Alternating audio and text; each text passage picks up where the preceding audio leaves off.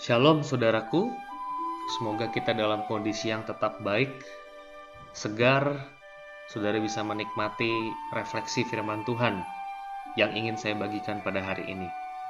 Kiranya Allah Roh Kudus terus menolong saat teduh saat teduh pribadi kita, sehingga ada makna, ada sukacita waktu kita melakukannya. Saudaraku, firman Tuhan hari ini terambil dari Ulangan 26 ayat 9 sampai 11. Ia membawa kami ke tempat ini dan memberikan kepada kami negeri ini, suatu negeri yang berlimpah-limpah susu dan madunya. Oleh sebab itu di sini aku membawa hasil pertama dari bumi yang telah kau berikan kepadaku ya Tuhan Kemudian kau harus meletakkannya di hadapan Tuhan Allahmu. Engkau harus sujud di hadapan Tuhan Allahmu. Dan haruslah engkau, orang Lewi dan orang asing yang ada di tengah-tengahmu, bersukaria karena segala yang baik yang diberikan Tuhan Allahmu kepadamu dan kepada seisi rumahmu. Demikian pembacaan firman Tuhan, saudaraku. Saudara, kembali lagi Tuhan berfirman bahwa perekonomian bergantung kepada Tuhan.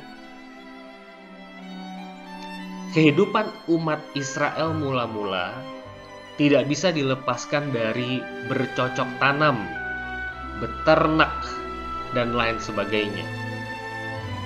Bangsa Israel dikisahkan akan memasuki tanah Kanaan tanah perjanjian sebentar lagi. Mereka sedang bersiap-siap.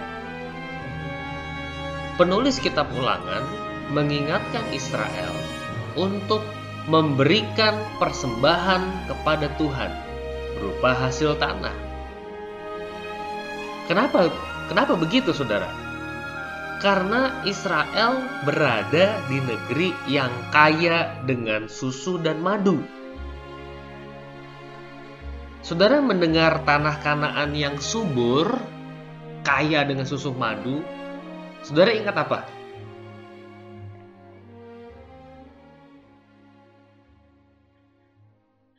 Betapa kita tidak bersyukur bertanah air kaya dan subur.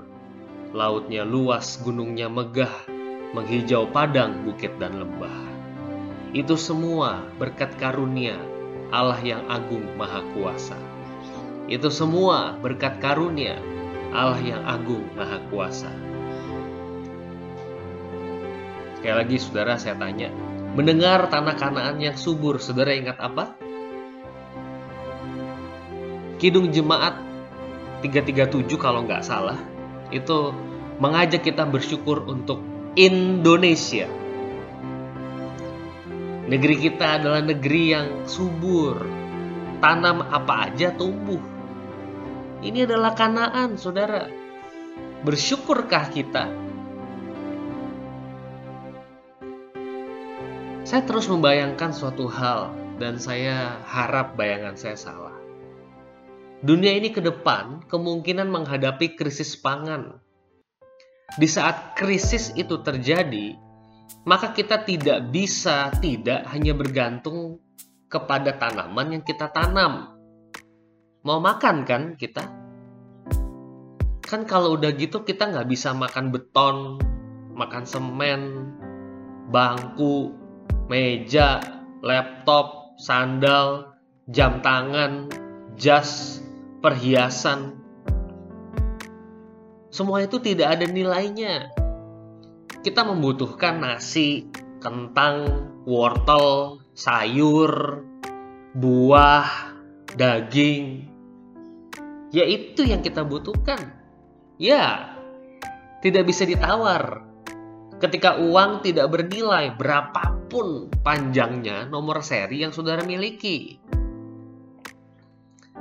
Saudara, hari ini kalau kita masih bisa makan, mari kita bersyukur kepada Tuhan.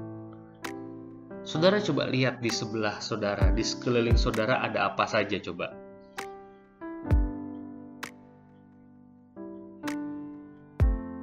Semua benda yang saudara miliki adalah karunia Tuhan.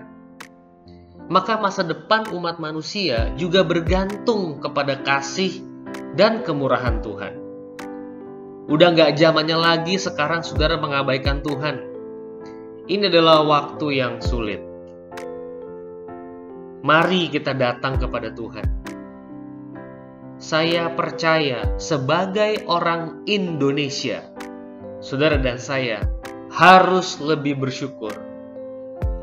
Kita berdoa supaya pemerintah sungguh-sungguh siap kalau sampai terjadi krisis pangan. Allah kita adalah Allah yang memelihara hidup umat manusia di dunia ini. Kalau krisis satu dunia pernah ia tuntaskan melalui Yusuf di Mesir, saya percaya krisis yang sekarang ini pun Tuhan bisa tuntaskan entah melalui satu bangsa atau melalui satu pribadi. Selamat berefleksi, Tuhan memberkati.